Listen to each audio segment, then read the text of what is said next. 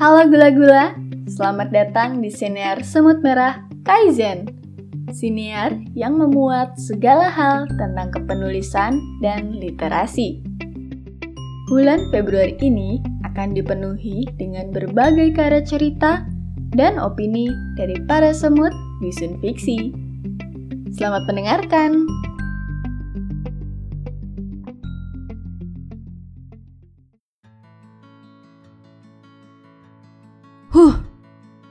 Wardah melempar kotak bedak di tangannya ke tempat sampah, lalu bibir mungilnya menggerutu.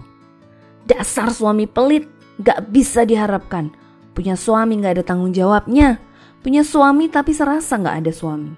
Ngasih uang belanja cuma sedikit, gak pernah ngasih uang saku. Aku mau beli bedak seratus ribuan aja gak bisa.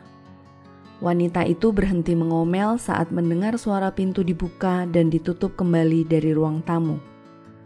Dia segera memalingkan wajah ke cermin, menarik sudut-sudut bibirnya ke atas membentuk senyuman. Sungguh tidak mudah berpura-pura senang saat hati sedang mengkal. Ketika pintu kamar dibuka dari depan, Wardah menoleh dan melihat Alfian, suaminya, berdiri di ambang pintu dengan wajah lelah. Mana bajuku? Tanya Alfian tanpa basa-basi sambil meletakkan ransel di lantai. Seketika senyum di wajah Wardah menghilang. Wanita itu berdiri dari kursi, mengambil kaos dan celana pendek di lemari, lalu menyerahkannya pada Alfian. Segera setelah baju itu ada dalam genggaman, lelaki bertubuh jangkung itu beranjak ke kamar mandi. Tapi sebelum Alfian menutup pintu, Wardah buru-buru menyusul lalu menahan daun pintu dengan tangan kirinya. Ada apa? Tanya Alfian dengan alis berkerut. Minta duit 200 buat beli bedak mas. Alfian berdecak kesal. Bedak buat apa? Kamu kan sudah nggak kerja di kantor lagi. Nggak perlu dandan macam-macam. Sudah, aku mau mandi. Gerah. Pria itu mendorong pintu hingga menutup, sementara sang istri terpana mendengar jawabannya. Kali ini Wardah benar-benar menyesali keputusannya untuk keluar dari pekerjaan demi mengurus rumah tangga, seperti keinginan Alfian.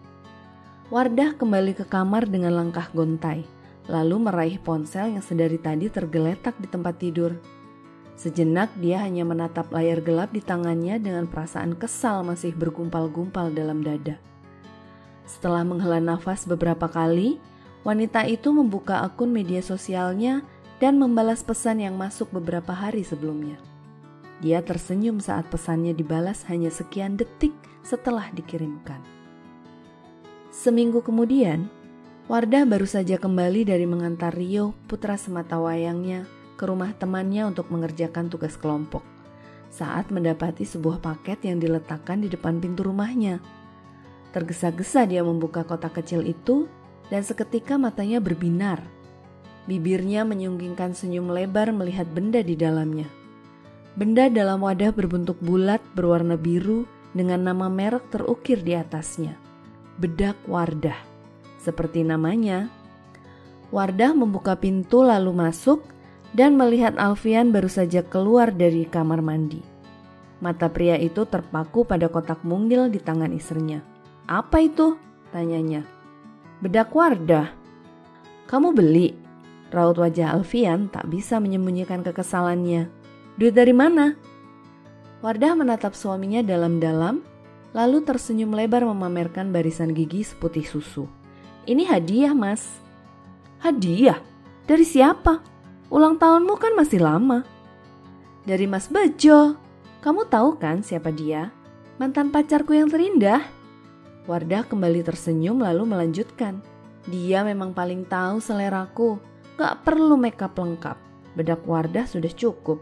Gak kayak kamu, sudah gak ganteng, pelit lagi sama istri. Wardah berbalik, meninggalkan Alfian yang urat saraf kepalanya mulai berdenyut-denyut mendengar ocehan sang istri.